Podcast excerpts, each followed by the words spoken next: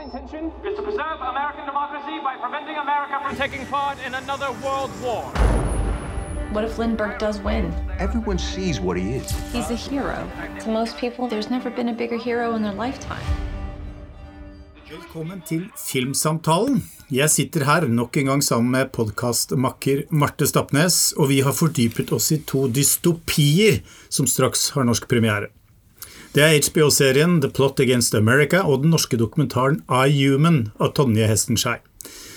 Man kan jo saktens spørre seg, Marte, om vi trenger flere dystopier når nåtiden er så full av kriger, viruser og om fandens oldemor. Altså, men vårt svar på det er vel kanskje jo, gjerne det, ikke minst når de likevel berører vår egen tid på såpass interessante måter som disse produksjonene gjør. Førstnevnte, The Plot Against America, er et drama som utspiller seg i fortiden, men som i høyeste grad kommenterer nåtiden, mens iHuman tegner et bilde av en ganske dyster, nær framtid. Jeg tenkte vi kunne begynne med David Simons serie, som han har skapt sammen med Ed Burns, og de har jo begge vært sentrale for serier som The Wire og Treme. To serier som mange av oss setter høyt, deriblant vi to, gjør vi ikke det? Jo, jeg tror det. Jo da, ja da. Men, men det her er liksom det, Ikke bare liksom, dette er noe annet og mer tradisjonelt drama, kan vi vel si. Ja. Hvordan opplevde du det? Satt du der med en sånn og disse karene har laget verdens beste TV-serie. Eh, Nå gleder jeg meg og ser frem til det. Og så ble du litt skuffet? Nei, kanskje ikke? Nei, fra første øyeblikk så skjønner man at her skal vi til en eh, langt mer tradisjonell måte å fortelle historie på. Vi skal gjøre det litt mer grundig. Vi skal sette eh, universet på en veldig sånn stødig måte. Her kommer vi inn i nabolaget til en jødisk familie, og de er ute i gata og leker, og barna eh, har det gøy. Eh, og vi det er jo ikke at Simon lager så heidundrende, forrykende, kjappe fortellinger vanligvis heller, men her er vi liksom virkelig nedpå. Det går sakte, og det er velkommen inn i verden. Og vi er i USA i 1940. og så tar det litt tid da, før man skjønner at vi ikke er akkurat i USA i 1940, men nesten. Ja. For serien er basert på Philip Roths kritikerroste roman med samme navn fra 2004, og serverer oss et kontrafaktisk historiesyn. Altså, hva ville skjedd om folkehelten og antisemitten Charles Lindberg hadde vunnet valget like før utbruddet av annen verdenskrig? Og hva ville skjedd med jødene i Amerika om Lindberg som president hadde fått gjennomslag for sitt jødehat, som er historisk korrekt eh, skildret, og kravet om å holde USA utenfor krigen med Tyskland? Og som du nevner, altså I filmen møter vi en amerikansk jødisk kjernefamilie som merker frykten på kroppen, og jødene blir stadig mer utsatt for angrep og, og fiendtlighet. da. Eh, og akkurat det menneskelige dramaet, det, det syns jeg var veldig overbevisende skildret. Altså, det, var, det fikk man litt sånn gåsehud av. Altså, uh, jeg Ja. fikk det i hvert fall. Ja, det er jo et samfunn der hat, uh, hate speech og, og eh, den fiendtligheten får lov å vokse, kanskje nettopp fordi de har en president som uh, egger litt eh, oppunder det, og i hvert fall ikke setter ned foten og sier at det er feil. Eh, så gjennomgående så får du hele tida det her blunkeren ut til publikum, sånn oppfatter jeg det, da, at uh, det her er det som skjer i vår tid, men vi har nå tilfeldigvis satt historien til, uh, mellom, altså til krigstid. Uh, men, men det er en ganske er veldig lett å lese hver eneste scene som det her Nå snakker vi egentlig om Trump. Ja, og det Jeg tenker noen ganger at kanskje har han begått en tabbe, David Simon, når han så tydelig fra helt fra starten understreket at dette handler ikke minst om vår egen tid. Mm. men samtidig så er det jo på en måte eh, en samtidskommentar, og man skal jo ta den for det også. Men, men hva, hva tror du om og det også, å forene de to verdenene, da? Altså på ene siden samtidskommentar, på andre siden et troverdig eh, periodedrama fra en spesifikk periode. Ja, det er jo det som funker veldig godt her. Premisset, den derre hva hvis. Eh, og det kan være et godt utgangspunkt for eh, mye. Og i tillegg så har du da satt veldig mye av handlinga til én familie, der du får sånn fraksjoner. Du får kjernefamilien som mener én ting, sønnen i familien har et annet, eh, en annen oppfatning av virkeligheten, fordi han har fått annen input inn, og så har du en uh, søster i familien som uh, blir litt uh, fascinert av en rabbi som heier på Lindberg, og som går blir en litt sånn token Jew i, Ja, hos ja. Hvite hus. Så innad i samme familie så får du folk som handler ut fra det de mener er rett, og der ligger alle konfliktene. Og det syns jeg er veldig spennende, og det lover veldig godt i starten. Og så tenker jeg at den der kombinasjonen av øh, det her er fortid, men det er også vår tid, og historien gjentar seg, sånn, at den blir litt skusla bort, fordi jeg syns ikke at øh, serieskaperne klarer å få nok ut av det. Det er jo en miniserie, og det er seks timer øh, TV. Og så skjer det kanskje ikke sånn en voldsomt stor utvikling. Jeg hadde håpa at det skulle være enda høyere kokepunkt underveis. Mm. Men de er nokså sober i, i framstillinga her, syns jeg på et vis. Uh, ja, og det hadde jo ikke vært en serie av David Simon og Ed Burns om den ikke var dyster, ganske gjennomgående og ikke, ikke spesielt optimistisk, egentlig. Eh, det er jo for så vidt HBOs varemerke, kan man si. da. ja, ja. Jeg kanskje håpa det skulle bli enda litt verre. At hvis du først skal lage en sånn eh, skremme, skremmebilde av vår tid eh, Uten å si for mye om hvor vi lander hen, så, så eh, Det blir jo her, som i veldig mange andre andre verdenskrig-ting, at i stedet for å gå enda dypere inn i de folk handler sånn som de tror er riktig, og likevel så havner de på feil side.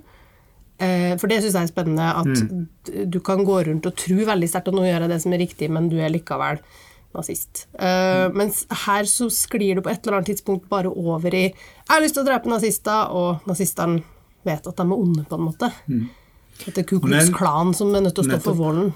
I rettferdighetens navn skal det vel kanskje sies, eller jeg vil da si at eh, skildringen av tenåringsgutten i filmen, altså Sandy, eh, den syns jeg er veldig god. Og det tenåringsopprøret altså På ene siden ser han opp til Charles Lindberg fordi han er en folkehelt, en flyver, legendarisk flyver. Og på andre siden så, så blir han legger han jo merke til de antisemittiske uttalelsene fra Lindberg, men i begynnelsen så er han altfor mye av en helt for ham.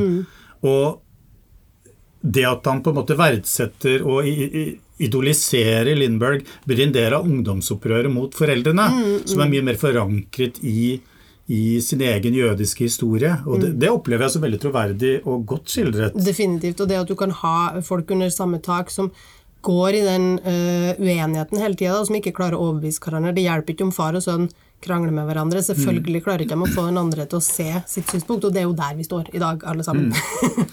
Men jeg må jo si at det er spesielt å oppleve en serie som gjenskap, gjenskaper akkurat den følelsen i hvert fall jeg hadde da det gikk opp, da det gikk opp for meg at en, en nasjonalistisk demagog ble valgt inn i Det hvite hus.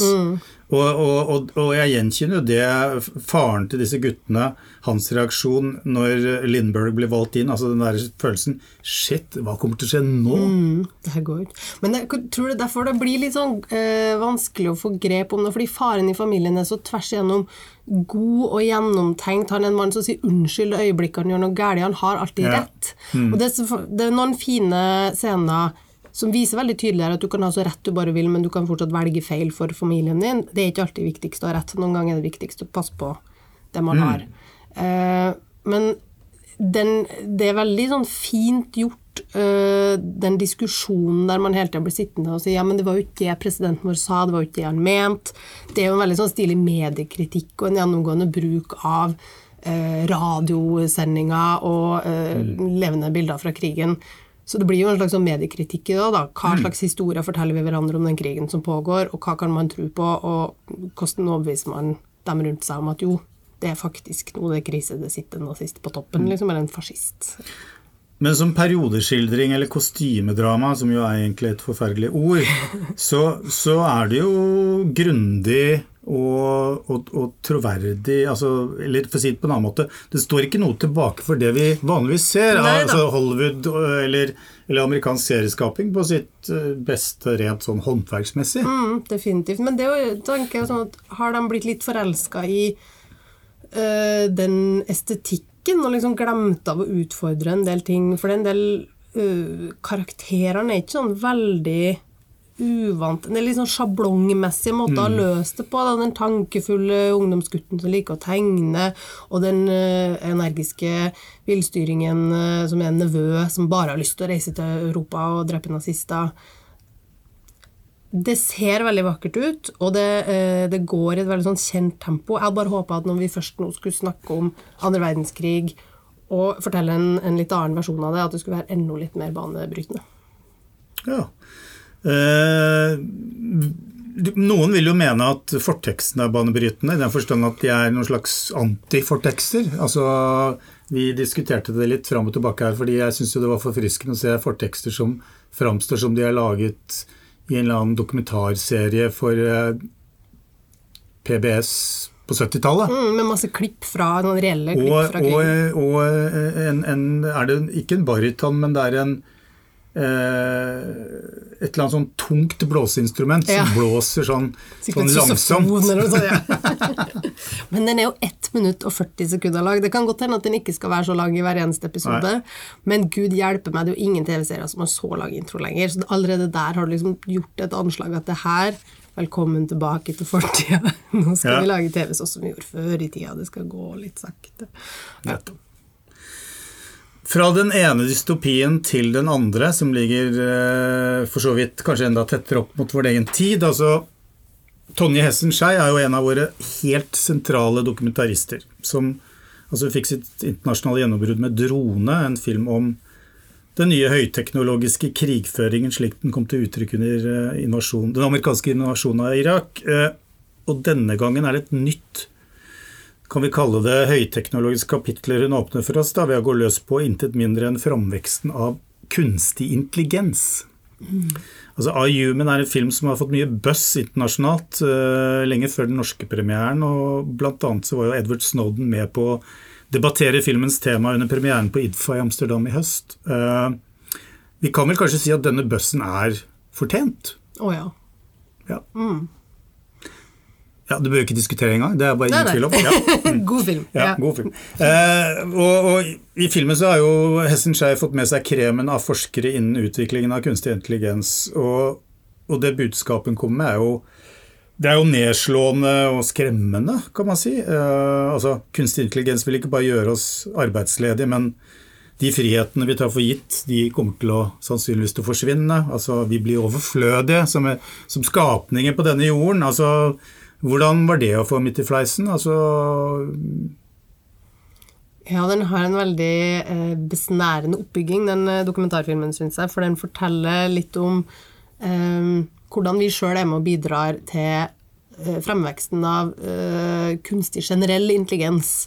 Det øyeblikket du sitter og klikker rundt på Facebook eller deler morsomme bilder av deg sjøl med 30 års mellomrom, så er du da med å liksom lære opp datamaskina datamaskiner på et vis. Mm. gir data inn, sånn at eh, dem som har tenkt å lage roboter, kan hente det ut igjen og lage best mulig datasett. Og så syns jeg at uh, Hessenskjei klarer på en veldig sånn god måte å Jeg liker at hun ikke bruker så mye plass sjøl i den filmen. At det er de folka som sitter og utvikler den der teknologien, som får lov å snakke om Se så flott, og her er alle de mm, mulighetene vi har. Sånn kan vi lage kunstig intelligens. Og så går det ganske fort utfor, der vi ser at hvis du da har eh, masse data inn som sier hvor kriminaliteten er i USA, og så lager du et system som da kan forutse hvor kommer kriminaliteten til å skje igjen i morgen, så vil du selvfølgelig få en ganske sånn skeiv bobleeffekt der historien bare kommer til å gjenta seg igjen og igjen. Men det som kanskje er litt provoserende, er at disse eh, AI-ekspertene eller forskerne, de, de framstiller det jo som det er noe irreversibelt. Altså, Spiller ikke noen rolle hva de gjør, dette kommer til å skje. Det, det må du bare forvente. Og det Altså, selv om Altså, er det i tilstrekkelig grad framsatt noen eh, alternative Hva skal vi si kampmidler, argumenter for hvordan man kan motvirke en utvikling som egentlig ingen av oss er interessert i, selv om disse forskerne eh, er jo så, de får jo nesten tenning av disse eh, dystopiske mulighetene. Altså, de bare sier at ja, men sånn blir det, det, det er ikke noe å diskutere. Ja. Eh, men det behøver jo ikke å bli sånn.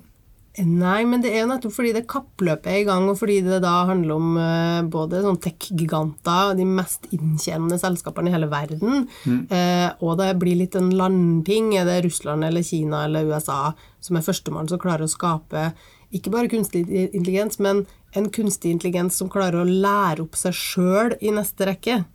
Så du har ikke bare lært noen å tenke, men du lærer den kunstige intelligensen å lære seg sjøl videre.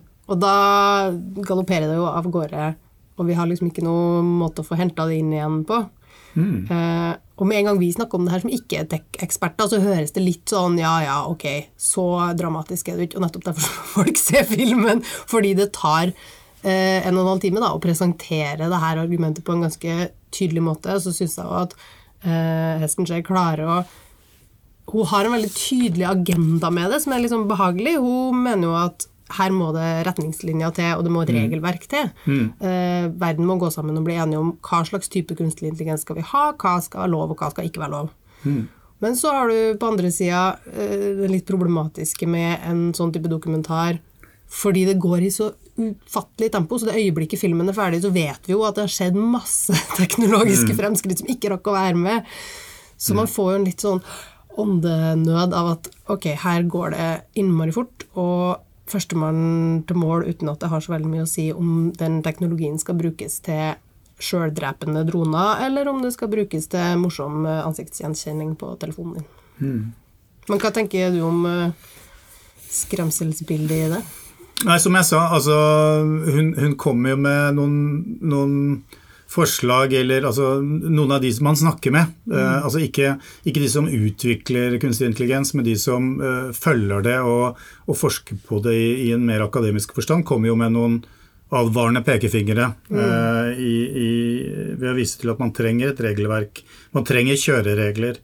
Eh, men jeg sitter ikke på nok kunnskap til å egentlig kunne jeg, jeg kan ikke gå inn og ta stilling. Jeg syns det er vanskelig. Eh, og det vet jo hun som den driftige, kloke filmskaperen hun er. sånn at eh, målet hennes er vel å rope et slags varsko og få folk til å prøve å sette seg litt mer inn i det. Det er jo en fin introduksjon. Mm, definitivt. Men, men det er jo en slags eh, Det er jo fullt mulig å lese den filmen som Vi er alle en del av problemet fordi vi deler vår data så villig, og vi sitter og mater inn Vær så god, ta bilder av våre barn, og uh, bare forsyn deg. Jeg har lagt ut når jeg er på ferie der og der. Altså, vi tenker jo på oss sjøl som kunder av Facebook og Instagram og sånn, men vi betaler jo ingen verdens ting. Vi er jo varen de kan selge videre. Ja. Så det kunne man jo sett som en sånn at du kommer ut av den kinosalen og tenker oi, jeg må ta hardere grep om egen hverdag. Men du ble ikke sittende med en sånn følelse. Den følelsen hadde jeg før jeg gikk inn. ja. Altså at jeg, at jeg er en nyttig idiot i mange sammenhenger.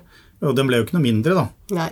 Eh, og så er det opp til meg å finne ut om jeg skal, skal jeg melde meg ut av deler av dette sosiale teknologiske fellesskapet, eller, eller skal jeg fortsatt henge med? Det, det gjenstår å se. Eh, filmen får kinopremiere, og, og så vidt jeg har forstått filmskaperne, så er de opptatt av at man helst bør se den på kino. Eh, men altså har det visuelle en sentral nok plass til det? Altså Utnyttes det cinematografiske her? Altså Det brukes mye grafikk. Eh, Den er jo like slagferdig på, på liten skjerm, skulle jeg tro. Men, men hva mener du? Ja, jeg har gått litt frem og tilbake, for den har en del veldig stilige eh, Gjennomgående så er det ganske mange bilder av by, og en sånn følelse av at her er det en drone som hele tida overvåker en by, eller en blokkonstruksjon, eller eh, du har liksom veldig mye storebror ser deg i bilder. Eh, og så har du en del eh, sikkert ikke CGI-animasjon Altså det gjennomgående så er det noen som driver og liksom bygger et menneske i et dataprogram. det høres ut som jeg er 95 år gammel. Um, de tingene gjør seg nok helt klart best på en stor skjerm.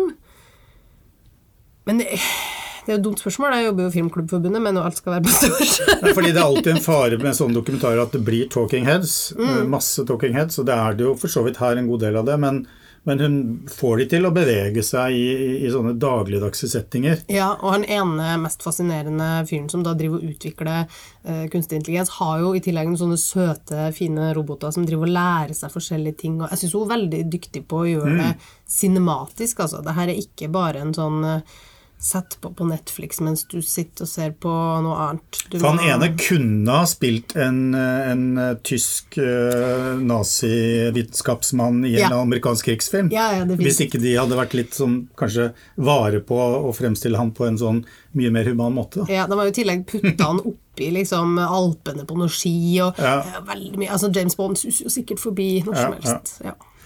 Men det som imponerer meg med Hessen Scheis filmer, er jo på en måte hennes vilje til å takle store, store spørsmål, og, Mm. og vanskelige og kontroversielle spørsmål. Og så har hun en politisk slagside, men uten at det blir for dogmatisk. Ja. Eh, og så tenker hun internasjonalt. altså Hun, hun vil nå ut til et stort publikum, og greier det. Og det, det er eh, veldig få norske filmskapere som får til.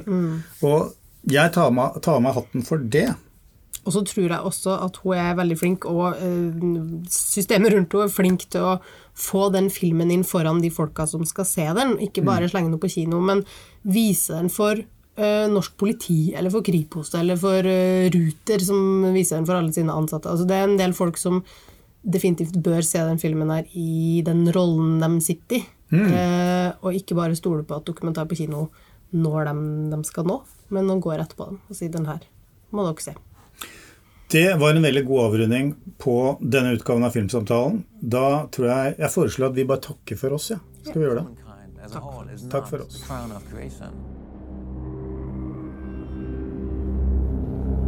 We are setting the stage for something that transcends us. A new form of life is emerging. Artificial intelligence is rapidly reshaping the world. It's going to be everywhere all the time. It's going to hear everything. It's going to be connected to every single camera on the planet. AI will ultimately be the best thing ever to happen to humanity or the worst thing ever.